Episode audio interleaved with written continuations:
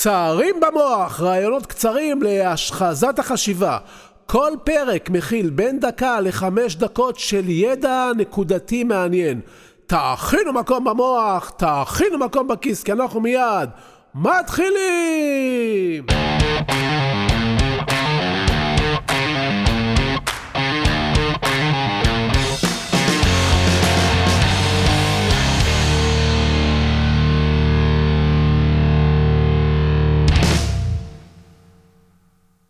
ברוכים הבאים לקצרים במוח, כאן צביקה ברגמן. היום נלמד על השפעת הלחצים על המשקיע. כשאנחנו נמצאים בסביבה הטבעית שלנו ואין עלינו לחצים, אנחנו בטוחים שאנחנו יכולים לשלוט בכל סיטואציה ולהתנהג בצורה הגיונית, ברורה ושקולה מול כל איום או לחץ. בטוחים אמרתי, אבל זו אחת הטעויות הגדולות שלנו.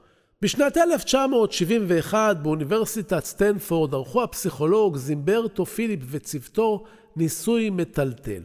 הם בנו מתקן כליאה מדומה ולקחו 24 סטודנטים. הם הפכו 12 מהם לסוהרים ו-12 מהם לאסירים ורצו לבצע מחקר על ההתנהגות במשך שבועיים. הם היו אופטימיים מדי כי המחקר נעצר אחרי שישה ימים. שישה ימים הספיקו לסטודנטים הסוערים להתנהג כגרועים שבסוערים ולהשפיע על המצב הנפשי של חבריהם.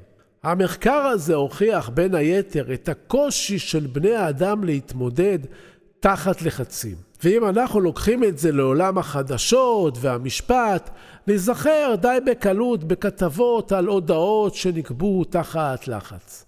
אני רוצה להסב את תשומת לבכם לעולם ההשקעות וללחצים המופעלים על המשקיע שלקח הלוואות כדי לקנות מניות, ועכשיו הן יורדות, או משקיע שרואה את השקעתו פוחתת בתקופה של משבר שפוקד את השוק וגורם לו לפעול בצורה שונה לחלוטין מזו שחשב שיוכל לפעול בימים כתיקונם.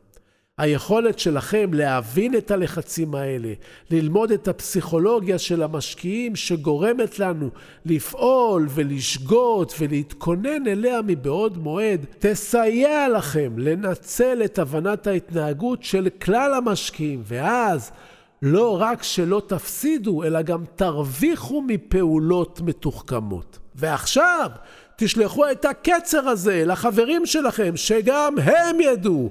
עד הפעם הבאה תהיו בקצר, ניפגש באוזן, ועד אז, תנו במוח!